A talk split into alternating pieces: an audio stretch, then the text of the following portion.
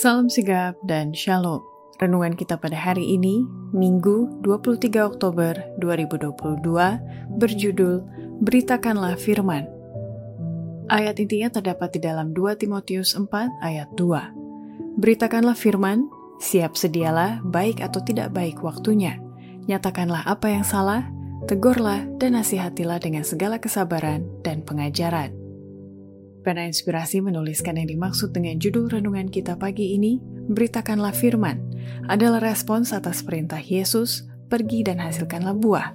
Dan makanya kita harus senantiasa datang menghampiri tahta kasih karunia Allah dan mengalami kasihnya yang tiada bandingnya itu adalah sebagai berikut.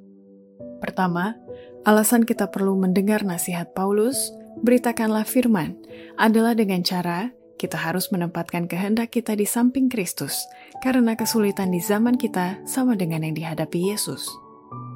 Ada pekerjaan besar di hadapan kita, pekerjaan yang melibatkan kepentingan dan kegiatan surga diberikan kepada gereja Kristus. Yesus berkata, "Pergilah kamu ke seluruh dunia dan beritakanlah Injil ke segala makhluk." Pekerjaan pada zaman kita dihadapkan dengan kesulitan yang sama dengan yang dihadapi Yesus, dan bahwa para pembaru pada segala zaman harus atasi.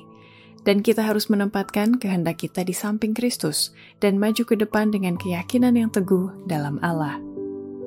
Kedua, alasan kita perlu mendengar nasihat Paulus, beritakanlah firman, adalah dengan cara memberitakan kebenaran, dan itu akan membentuk karakter dan kehidupan kita sesuai dengan kehendak Kristus.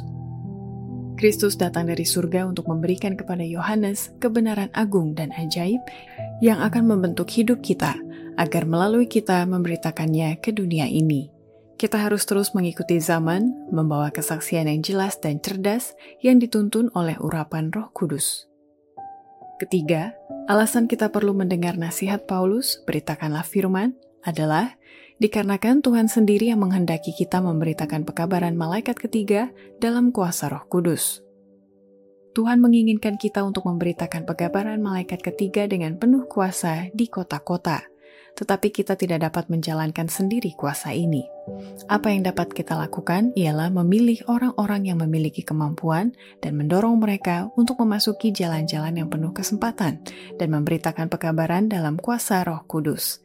Sementara mereka berbicara tentang kebenaran dan menghidupkannya serta mendoakan kebenaran itu, Tuhan akan bergerak di dalam hati. Keempat, alasan kita perlu mendengar nasihat Paulus, beritakanlah firman, dikarenakan Sampai sekarang masih ada ladang yang diabaikan dan belum dikerjakan, padahal kebenaran harus diberitakan kepada semua orang dan bangsa dan kaum dan bahasa. Waktu untuk sebuah pekerjaan yang agresif, kebenaran harus diberitakan kepada semua orang dan bangsa dan kaum dan bahasa. Waktunya telah tiba untuk pekerjaan yang lebih giat yang harus diselesaikan di kota-kota dan di setiap ladang yang diabaikan dan belum dikerjakan. Kelima, Alasan kita perlu mendengar nasihat Paulus, beritakanlah firman, dikarenakan kita adalah duta besar bagi Kristus untuk menggugah kata hati mereka agar mau menerima kabar keselamatannya. Biarlah permohonan dan peringatan yang Anda berikan dengan sungguh-sungguh menggugah kata hati mereka. Biarlah doamu yang tulus melembutkan hati mereka dan menuntun mereka berbalik pada Tuhan. Anda adalah duta besar bagi Kristus untuk memberitakan kabar selamatnya. Demikianlah renungan kita pada hari ini. Kiranya Tuhan memberkati kita semua.